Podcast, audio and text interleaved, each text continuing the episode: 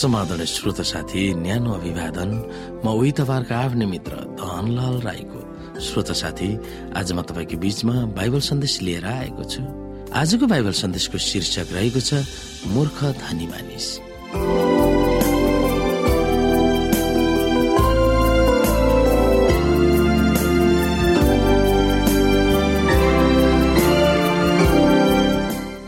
श्रोत साथी हामीले यो मूर्ख धनी मानिस भन्ने बाइबल सन्देश लुका बाह्र अध्यायको सोह्रदेखि एक्काइसबाट हेर्न सक्छौ। यहाँ हाम्रो निम्ति अत्यन्तै महत्वपूर्ण सन्देश छ। धनी मूर्ख मानिसलाई यसुले कसरी कडा गरी हप्काउनु भयो हामीसँग भएका थोकहरूको बारेमा हाम्रो मनस्थिति कस्तो हुनुपर्छ भन्ने त्यस आर्थिकताले हामीलाई कसरी सिकाउँछ? आउनु श्रोता यहाँ हेरौँ। उहाँले तिनीहरूलाई एउटा दृष्टान्त भन्नुभयो कुनै एकजना धनी मानिसको जमिनमा प्रशस्त उब्जन भयो त्यसले मनमा नै गुन्न लाग्यो मेरो अन्न राख्ने ठाउँ मसित छैन अब म के गरौँ? तब त्यसले भन्यो म यसो गर्नेछु आफ्ना ढुकुटीहरू भत्काएर झन् ठुला ठुला बनाउने छु र मेरा सबै अनाज र माल सामान त्यही राख्नेछु।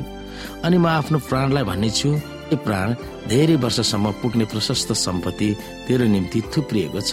सुख चैनमा बस खा पिर मोज कर तर परमेश्वरले त्यसलाई भन्नुभयो ए मूर्ख आज राति नै तेरो प्राण तबाट लिइनेछ र जे कुराहरू तैँले आफ्नो निम्ति थुपारेको छस् ती कसको हुने?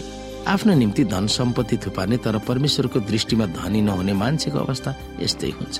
श्रोत साथी यस आर्थिक कथामा हाम्रो निम्ति धेरै सन्देशहरू लुकिएका छन्। तर हामी अवकाश प्राप्त हुने बेलामा के गर्नु हुँदैन भनेर यसुले भन्नुभएको थियो भन्ने कुरा अथवा तर्क यसले देखाउँछ भनेर भन्न सकिन्छ।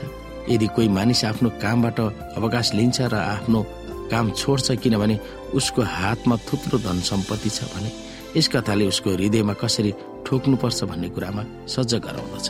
कडा परिश्रम गरेर धेरै धनी हुनु भनेको समस्या होइन। विशेष गरेर कतिपय मानिसहरू जति बुढो हुँदै जान्छ त्यति धनी पनि हुन जान सक्छन्। तर समस्या भनेको त्यसप्रति देखाउनु मनस्थिति के हो?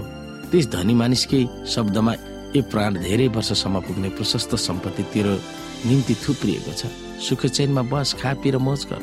यी व्यक्त गरिएको भावनाले उसको खास समस्या के रहेछ भनेर देखाउँदछ। यो मानिसको जीवनमा लक्ष्य वा बाँच्नु हो भन्ने अर्थ नै मारिने पशुभन्दा पनि उच्च थिएन।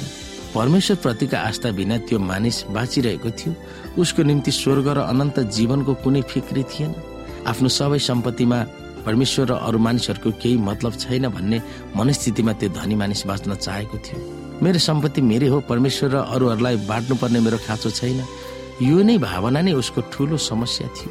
यदि हाम्रो जीवनको यस तहमा पुगेपछि वा अवकाश भएपछि हाम्रो निम्ति मात्र सुर्ता गर्ने र अरूहरूको आवश्यकता प्रति आँखा चिम्लन्छौँ र परमेश्वरको महिमा र इज्जत थाम्ने काममा हामी व्यवस्था गर्छौँ भने हामी मूर्ख धनी मानिसको बाटोमा हिँडिरहेका हुनेछौँ। त्यो धनी मानिस अल्छी र बैमान थियो भनेर यसुले हामीलाई आवास दिनुभएको छैन। समस्या चाहिँ परमेश्वरले उसको जिम्मामा थुपार्नु भएको सम्पत्तिलाई उसले गर्ने निर्णय गर्यो। त्यसमा थियो हामी कुन दिन मर्छौँ त्यो हामीलाई थाहा छैन। त्यसकारण हामी जहिले पनि परमेश्वरको इच्छा अनुसार जिउनु पर्दछ र हाम्रै स्वार्थ पूर्तिको निम्ति मात्र होइन।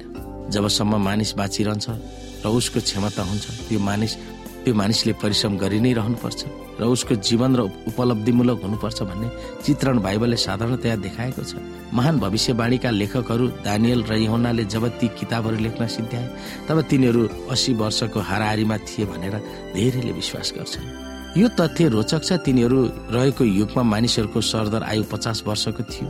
दिदी एलएनजी वाइडले आफ्ना उल्लेखनीय लोकप्रिय किताबहरू जस्तै द डिजायर अफ एजेज उनी सत्तरी वर्ष नागेपछि छापेका थिए। जबसम्म हामी स्वास्थ्य छौँ तब हाम्रो जीवनलाई अर्थमूलक बनाइराख्नुपर्छ र उपलब्धिमूलक र उपयोगी भइरहनु पर्दछ यसुको आगमनको निम्ति पर्खिरहेकाहरू केवल उहाँको आगमनको अपेक्षा मात्र होइन सक्रिय भएर काम गरिरहनुपर्छ। वा साधु भएर नाङ्गो र अरूहरूको निम्ति काम नलाग्ने जीवन बिताउनु हुँदैन भनेर यसुले निर्देशन दिनुभएको छ। अन्त्यमा श्रोता जुनसुकै आयुमा भए तापनि र जतिसुकै पैसा भए तापनि त्यस धनी मानिस परेको धरापमा जस्तै हामी नपर्न के गर्नुपर्छ?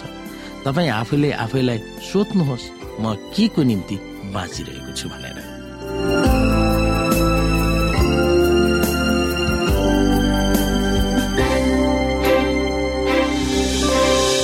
श्रोता साथी आजको लागि बाइबल सन्देश यति नै। हस्त नमस्ते जय मसिंह।